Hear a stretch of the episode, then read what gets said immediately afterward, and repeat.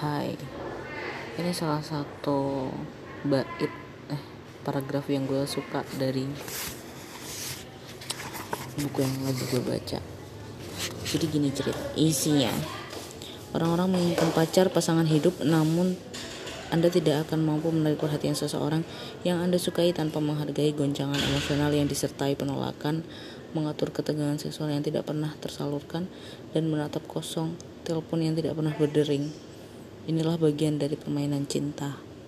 Anda tidak akan pernah memenangkannya jika Anda tidak ikut bermain. Hmm.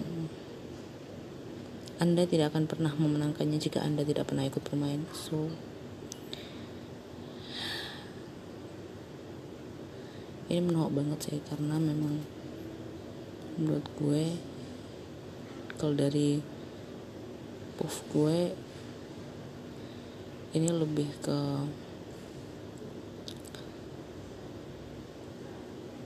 orang yang pengen sukses tapi dia nggak mau susah dulu. I don't know. It's just me or banyak orang juga yang berpikiran seperti itu. Sekian update buku yang gue baca